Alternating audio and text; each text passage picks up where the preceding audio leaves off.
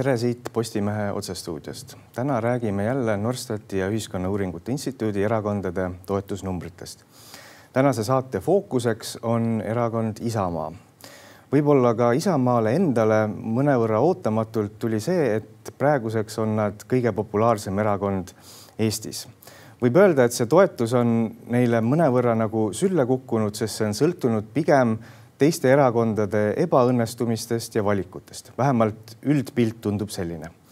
olen täna palunud siia stuudiosse Isamaa Riigikogu fraktsiooni liikme Riina Solmani nendel teemadel rääkima. aitäh saatesse tulemast. ja aitäh teile kutsumast. ennem kui Isamaa juurde aga lähme, vaatame korraks üle, mida näitavad meile Norstati ja Ühiskonnauuringute Instituudi erakondade toetusnumbrid et me näeme seda, et äh, viimase kuu aja jooksul on Isamaa selgelt kindlustanud oma positsiooni kui kõige populaarsem erakond Eestis. Nende toetus on hetkel umbes kakskümmend seitse protsenti. samas me näeme ka, et see toetuse kasv on peatunud ja stabiliseerunud, et vähemalt praeguseks on saavutatud oma toetuse lagi äh, Reformierakonna toetuse langus on peatunud, me näeme, et nende toetus hetkel on stabiliseerunud sinna kuhugi seitsmeteistkümne protsendi kanti. Ja siin tasub mingis mõttes meeles pidada ka üldisemat pilti. Ähm,. Ukraina sõda nimelt viis Reformierakonna toetuse enneolematutesse kõrgustesse võrreldes sellega, mis ta vahetult ennem seda oli. Ning praegu me näeme, et see Ukraina sõja mõju Reformierakonna toetusele on kadunud ja sisuliselt nad on samal tasemel, kus nad olid siin kahe tuhande kahekümne esimese aasta lõpus. ja kui see erandlik vahepealne olukord välja jätta, siis me tegelikult näeme, et Reformierakonna toetus on pigem olnud sellises stabiilses languses kahe tuhande kahekümnendast aastast alates ähm, teisel kohal olev EKRE on viimase kuu aja jooksul mõnevõrra oma toetust kaotanud, kuid siin on oluline rõhutada seda, et absoluutarvudes nende toetus muutunud ei ole. väga palju eelistuseta valijaid on äh, oma eelistuse leidnud. Äh, EKRE on ainus, kes taolisi uusi valijaid juurde võitnud ei ole ja seetõttu on nende suhteline toetus mõnevõrra langenud. Keskerakond kelle toetus langes pärast juhi vahetust, on viimastel nädalatel oma toetust natuke uuesti kasvatanud, see on tõusnud viieteistkümne protsendi peale. Äh, nad on taastanud oma kandepinda mõnevõrra eestlastest valijate hulgas, kuid siin ilmselt saab neile takistuseks nende osade liikmete nagu Yana Toomi näiteks tegevus. ma pean siin silmas seda asjaolu, et tuli ilmsiks, et ta on toetanud riigivastase tegevuse eest riigist välja saadetud inimesi sotsiaaldemokraadid, nende toetus viimastel nädalatel on olnud üpriski stabiilne. natuke pikemas plaanis me näeme, et viimase aasta aja jooksul nende toetus on umbes kuuelt protsendilt kasvanud üpriski järjepidevalt kuskile kümnele protsendile. et nad on aeglaselt, kuid stabiilselt oma toetust kasvatanud ja nad on ainus valitsuserakond, kelle toetus ei ole nii-öelda kokku varisenud. ja viimaks äh, Eesti kakssada, ka nende toetuse langus on peatunud ja hetkel on nende toetus umbes kuue protsendi kandis. vaatame veel kahte asja, enne kui edasi liigume. Äh, lisaks erakondade toetusnumbritele on Norstat ja Ühiskonnauuringute Instituut viimastel aastatel iga kuu küsinud valijatelt ka seda, et kas nad kiidavad valitsuse äh, Kaja Kallase tegevust heaks ja kas valitsus teeb oma tööd hästi või halvasti et me näeme, et kuni kevadiste valimisteni nii laias laastus enamus ja nad või natuke rohkem valijaskonnast äh, kiitis peaministri tegevuse heaks ja oli valitsuse tööga rahul. alates vali, valimistest me aga näeme, et see rahulolematus on järjepidevalt kasvanud kuni selleni, et praegu umbes seitsekümmend protsenti valijatest ei ole valitsuse tööga rahul, ei kiida peaministri tegevust heaks ja sisuliselt soovivad, et peaminister astuks äh, ametist tagasi. et see üldpilt on üpriski murettekitav ja me näeme seda ka erakondade toetuses, et alates valimistest koalitsioonierakonnad on järjepidevalt oma toetust kaotanud kuni selleni välja, et hetkel umbes üks kolmandik valijatest ainult toetab koalitsioonierakondi ning opositsioonierakonnad on oma toetust kasvatanud ning neid toetab hetkel umbes kaks kolmandikku valijatest. Ähm, Riina Solman, kuidas mõjub Eesti äh, poliitilisele kliimale selline olukord, kus sellised äh, käärid äh, võimu ja, ja toetuse vahel on nii suured? no ma arvan, tavalisele inimesele see turvatunnet ei tekita. ja, ja mis puudutab poliitikuid, siis see on andnud meile, eks ole, väga kiiresti, ma ei oska tagasivaates üldse öelda, et sellist olukorda varem oleks esinenud koalitsiooni ja opositsiooni vahele sellised pinged ja tõepoolest ka rahulolematuse ja teataval määral isegi võib öelda leppimatuse. et sellist olukorda mina oma poliitajaloos tõesti ei oska meenutada. Jah, tõepoolest on üpriski erandliku olukorraga, eriti kui me arvestame kõikide erakondade omavahelisi nagu toetussuhteid komplektina, see, et Isamaa toetus on nii kõrge, Keskerakonna toetus nii madal, see, et kuskil EKRE on seal vahepeal ja, ja et Keskerakond on nii palju oma toetust kaotanud. aga tuleme nüüd Isamaa juurde, kui ma mõtlen nende põhjuste peale, mis võiksid seletada Isamaa toetuse plahvatuslikku kasvu praegu, siis äh, tulevad mulle meelde ennekõike järgmised et kõigepealt äh, Reformierakond on oma toetust kaotanud sellepärast, et nende ähm, lubadused enne valimisi ja tegevus pärast valimisi äh, läksid omavahel lahku nii-öelda ja, ja, ja noh, oma osa on siin olnud ka peaministriga seotud skandaalidel. Eesti kakssada on kaotanud oma toetust sellepärast, et nad on liiga lähedased olnud Reformierakonnale, neil ei ole enam uue erakonna kuvandit Keskerakonna juhi vahetus muutis nad vähem atraktiivseks eestlastest valijatele ning EKRE mingis mõttes on oma mm, toetuse baasi ammendanud. ja seega rahulolematute eestlastest valijate jaoks polegi nagu muud varianti olnud peale Isamaa, aga kõik need tegurid on olnud väljaspool Isamaa kontrolli ja osad, kui mitte kõik nendest kindlasti aja jooksul muutuvad, et mis on olnud Isamaa enda tegevuses viimase poole aasta jooksul sellist, äh, mis on aidanud erakonnal oma, oma kandepinda valijaskonnas suurendada? no laias laastus on Isamaa ju üks ja sama ja me ei ole oluliselt muutunud, meil oli küll erakonna juhi vali-, vahetus ja uus juhtkond valiti. et võib-olla me oleme nüüd alates suvest olnud dünaamilisemad ja osalenud päevapoliitikas aktiivsemalt. see on kindlasti andnud oma, oma sellise positiivse äh, ülestõusu suuna. Kindlasti ma, ma pean nimetama ära ka meie mm, esimeest Urmas Reinsalu, kes on võib-olla Helir-Valdor Seederiga, kes oli väga tugev vundamendiladuja, äh, siis Reinsalu on rõõmsameelne ja talle meeldib äh, väga laiahaardeliselt tegutseda, igas valdkonnas sõna võtta. võib-olla see annabki tegelikult ühele erakonnale eelise, et me ei ole kinni oma tuumteemades, vaid räägime kaasa kõikides valdkondades. et alates siis meie tuumteemadest, milleks on siis olnud eestikeelsele õppele üleminek, julgeolekupoliitika, rahvastiku perepoliitika, majanduspoliitika, nüüd me oleme eh, väga kõvasti sõna võtnud hariduspoliitikas, eh, sotsiaalhoolekande teemadel, et, et üks, üks erakond, kes tahab olla peaministripartei ja me näeme ju, et Urmas Reinsalu on ülekaalukalt eelistatum peaministrikandidaat, noh, ta peabki tegelikult igas valdkonnas arvamust omama, aga laias laastus ei ole Isamaa muutunud ja võib-olla meie eelis ongi see, et me oleme turvaline valik. me ei lõhu inimeste kindlustunnet, nagu tänane peaministripartei ja koalitsioon seda teinud on, vaid me anname inimestele kindlustunnet, me kuulame ära erinevate valdkondade esine, esinejad, me oleme kohtunud ettevõtjatega, õpetajatega, lasterikaste perede liiduga, no kõikvõimalike sihtgruppidega, kellel on muret ja me oleme empaatilised. ehk tegelikult ma ütleks niimoodi, et, et see Isamaa on nagu laetuli, et ega sa küünalt vaka alla panna ei saa. See on nüüd kõik, mida Isamaa juba on ette võtnud, aga kui vaadata nüüd toetuse tipust tulevikku, et mis, mis on veel tulevikus midagi sellist, mida nüüd Isamaa teeb või plaanib teha selleks, et neid toetajaid hoida, sest noh, selge on see, et osa nendest toetajatest ilmselt mingi hetk hakkab taaskord kuhugi mujale vaatama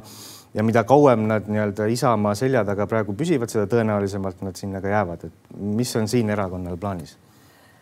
no ma arvan, et me sellise dünaamilise, aktiivse käekirjaga jätkame, osaleme aktiivselt igapäevaelus ja, ja proovime õlga alla panna seal, kus seda vaja on. aga, aga võib-olla, võib-olla on see, mida me tahame teha, on, et anda inimestele lootus tagasi hetkel on ju inimestel kõigepealt kadus ära usaldus peaministripartei ja peaministri vastu ja, ja lootus hakkab kustuma, et meie soovime anda siis äh, tagasi lootuse, et me tahame need halvad poliitikad, äh, need rängad maksutõusud, äh, mis inimesi hakkavad koormama ja juba koormavad, hinnatõus on olnud väga ränk töökoha kaotused, et me oleme hoopis teistsuguse ideoloogiaga partei, kui ta on peaministripartei, tal on kõrged maksud, tal on oma eesmärgid, mida ta ellu viib, need ei lähe kohati kokku Eesti rahva eesmärkidega mistõttu see, me tahame selle lõhe ära kaotada ja tagasi pöörata halvad otsused, et, et lootus on see, mida me kavatseme siis inimestele anda ja kindlustunne, kindlustunne homse ees millised on Isamaa eesmärgid tulevastel Euroopa Parlamendi kohalikel või Riigikogu valimistel? No tänane reiting lubab oletada, et, et kaks kohta tuleb ära ja me seda kindlasti võtma läheme ja miks ka mitte, eks ole, ja, ja, ja võib-olla siis tulevastele valimistele, kui me otsa vaatame, siis eh, loomulikult me läheme täisnimekirjadega nagu alati, me oleme ambitsioonikamad. Eh, mina siis Tallinna piirkonna juhina mm, eh, võin seda öelda, et, et et üks võib-olla Isamaa toetuse tõusu kasv ka Tallinnas, me oleme siin kahekümne protsendi peal juba, on ju tingitud sellest, et Keskerakond on, on, on muutunud eh, venekeelseks ja venemeelseks ja ja me näeme need Yana Toomi trikid ja vigurid eh, töötavad siin ka jälle Isamaa kasuks, et me anname ka tallinlastele kindlustunde, et, et, et Eesti pealinnas saaks ükskord olema ometi Eesti võim. Isamaa praegune toetuse kõrge tase mingis mõttes peegeldab ka ummikseisu Eesti poliitilises süsteemis äh, laiemalt, et kui me nüüd jätame kõrvale konkreetsete erakondade tegevuse, siis mis võiks olla selle ummikseisu selliseks süsteemseks laiemaks põhjuseks? Äh, ma korra juba märkisin, et peaministril isiklikult, aga ka peaministri parteil paistavad olema oma eesmärgid, mis ei ühti tegelikult siis teiste erakondade eesmärkidega ja peaminister on seitsmendal detsembril öelnud intervjuus Delfile välja, et, et ega ei saa läbi rääkida, kui meil ei ole ühiseid eesmärke. aga see on väga vale, vale lähtekoht, et tegelikult, kui on ummikseis, siis mida peaks üks äh, Eesti juht tegema, üks juhtfiguur, ta peaks läbi rääkima kasvõi öö läbi ta on öelnud, et ta on rääkinud Martin Helmega ja Martin Helme on midagi talle vastu öelnud, need on tema läbirääkimised. ta on kohtunud erakondade esimeestega kogu oma, oma käesoleva valitsuse aja ainult ühel korral, kahekümne seitsmendal septembril ja rohkem mitte. Ja siis ta on öelnud, eks ole, avalikult välja, et kui ei ole ühiseid eesmärke, pole ka milleski läbi rääkida, see näitab ju tegelikult asjatundmatust ja kõrkust et veel ei ole ilmselt see, see üleolevuse moment oma põhja leidnud, et, et mis tähendab, et et see ummikseis jätkub aga Reformierakonna positsioon Riigikogus on niivõrd tugev, et nad on absoluutselt kindlad selles, et kuni järgmiste valimisteni ilma nendeta põhimõtteliselt mitte midagi teha ei saa. kas see, see peaks, kas see mhm. peaks motiveerima nii-öelda läbirääkimisi pidama või kokkupuutepunkte otsima? no äh, ma isiklikult arvan, et ähm, rahulolematus peaministriga, kui me vaatame tänaseid äh, numbreid et, et seitsekümmend üks protsenti arvab, et ta ei peaks jätkama peaministrina ja kui on vaadatud ka erakondade toet-, siis toetust erakondade lõikes temale või tema vastu, siis üle poolte on juba kõik erakonnad ütelnud, et ta peaks lahkuma, mis tähendab, et temaga ei olda ka poliitikute tasandil rahul ka ma arvan, tema era, enda erakonna sees ei olda rahul ja oodatakse, oodatakse tegelikult lahendust. Ja, ja kui me vaatame seda, et ta hiljuti ju sai, tema ütleb tugeva mandaadi, vaatlejad ütlevad, tegelikult ta sai ikkagi väga hoiatussignaali, et, et see mandaat oli, oli ju eh, nõrk siis eh, on ta ka suutnud erakonnas võtta sellise mm, võimumonopoli enda kätte, et need tema järglased ei julge kaevikutest pead välja pista enne õiget aega, et, et paistab, et selline kergelt väga enesekeskne lähenemine eh, põhjustab talle ka seda langust ja, ja, ja, ja ja sellepärast see kõrguse hetk tuleb ka ühel hetkel kätte, see saabub, et kus tuleb hakata arvestama oma erakonnakaaslastega ja ka opositsiooniga. praegu ta seda tõesti ei tee ja sellepärast see vastasseis süveneb. ühesõnaga, te arvate, et äh, see rahulolematus pigem kasvab, mitte ei möödu ma arvan, et nüüd jõuluajal võib äh, tulla mõned äh, noh, mõned nädalad rahulikumat aega, nagu on näha juba, et, et, et meie toetusreitingud on ka siit peatunud, sest et aktiivne poliitikategevus, eelarve läbirääkimised, eelarve on nüüd vastu võetud, rullitud üle opositsioonist ja Eesti rahvast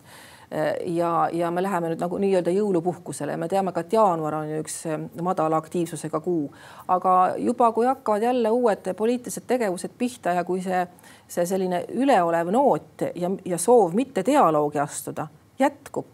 siis ja ka need tegevused, mida on siis valitsus planeerinud, milleks ta ei ole ju mandaati saanud, et alates sellest, et, et me näeme, meil oli aasta tagasi Saaremaal suur elektrikatkestus, sellest võeti õppust, siis oli veel Isamaa valitsuses, pidime investeerima elektrivõrkudesse. nüüd me näeme, et elektrivõrkudesse investeerimine olukorras, kus inimestel ei ole üle Eestimaa elektrit päevi, kui ei ole elektrit, ei ole ka vett, siis valitsus on need elektrivõrkude investeeringud sada miljonit viinud ära Narva uue gaasi vesinikujaama ehituseks ja kas inimestel on elekter või mitte, see neid ei huvita.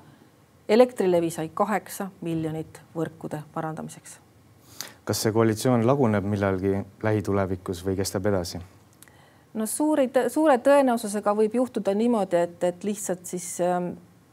äh, soovitakse ühel hetkel teha äh, värskendust ja, ja kui see tähendab koalitsiooni lagunemist, et vahetub lihtsalt peaminister, siis ma seda pean tõenäoliseks, et see võib juhtuda, sest ka Kaja Kallasega rahulolematus minu prognooside järgi kasvab, mitte ei kahane. usaldus on selline asi, et talle anti väga suur usalduskrediit, Eesti rahvas tahtis endale Kaja Kallast peaministriks. Ka mina olin rõõmus, et meil on naispeaminister naispoliitikuna ikka arvan, et ka naisi peab poliitikas osalema, et kui meid on üle poole elanikkonnast. aga mul on pettumus väga suur, sest et, et naispoliitikud just Reformierakonnas on osutunud hoolimatuteks mitte siis vastupidi empaatilisteks, kes peaks tegelikult arvestama kogu rahva käekäiguga, siduma võib-olla gruppe, erinevaid opositsiooni, koalitsiooni omavahel, aga on, on, me oleme saanud peaministri, kes tegeleb võib-olla jah, iseenda eesmärkidega mida oleks vaja, kui üldse mm, Eesti, ütleme siis poliitiliste institutsioonide toimimises muuta, et valitsuse ja Riigikogu omavaheline koostöö oleks sujuvam, et me ka tulevikus ei näeks selliseid ummikseise? no ei taha kogu aeg ühest inimesest rääkida, räägime siis peaministri parteist et, et loomulikult, et see mandaatide ülekaal ja, ja siis koalitsioonikaaslased ka, kes seda siis tuge parlamendis teevad, annavad ju meile täna mitte siis valitsuse ja Riigikogu vahelise vastasseisu, vaid tegelikult on ju eh, see vastasseis eh, Riigikogu sees. seal on ülekaalukalt koalitsiooni mandaate ja kui koalitsiooni mandaadi kandjad ei saa aru, et läbirääkimistes peitub see võluvits, dialoogis peitub see võluvits, et nad ei ole mitte mitte kummitempel, siis ei muutu mitte midagi. vastasseis jätkub seal peaks siis tegelikult ähm, saama aru peaministri partei, et see üleolevus ei vii Eesti riiki edasi, see ei ole ühiskondlikes huvides, see ei ole Eesti inimeste huvides ja päeva lõpuks ka nende enda eesmärgid, millele nad nii kitsalt on keskendunud, jäävad realiseerimata vastasseisu tõttu et, et kui me vaatame näiteks ülemkogul, kus, kus ka ju Eesti osaleb oma ministritega, seal teinekord räägitakse öö otsa läbi, peetakse läbirääkimisi, peetakse dialoogi. see tähendab ju seda, et sa tegelikult ikkagi tood äh, osapooled laua taha ja, ja tahad koos edasi liikuda, mitte ainult iseenda püstitatud äh, ideid teostada, et, et see läbirääkimiste moment, ma rõhutan seda veel kord, et seda täna ei ole lähimas tulevikus ma kardan, et ta ei paista vähemalt, et seda tulemas ka oleks. ühesõnaga, ma saan aru, et probleem on ennekõike ütleme poliitilises kultuuris, probleem on hoiakutes, suhtumises, väärtustes. ülemvõimus võib-olla, eks ole, et on tajutud, et, et mandaatide arv on nii suur, et ei pea arvestama. ma saan aru, et, et sa ei arvesta seal Riigikogus opositsiooniga, aga sa ei arvesta ka Eesti rahvaga sul on ükskõik, kas nad kannatavad, kas sa oled õpetajaid, äh, õpetajatele lubanud midagi, järgmisel hetkel sa reedad, sa oled lastele, ka peredele seadusega andnud toetused ja järgmisel hetkel sa võtad need ära. Äh, tänane mandaatide arv tekitab ühiskonnas nii palju nördimust ja seda on näha ju toetusnumbrites.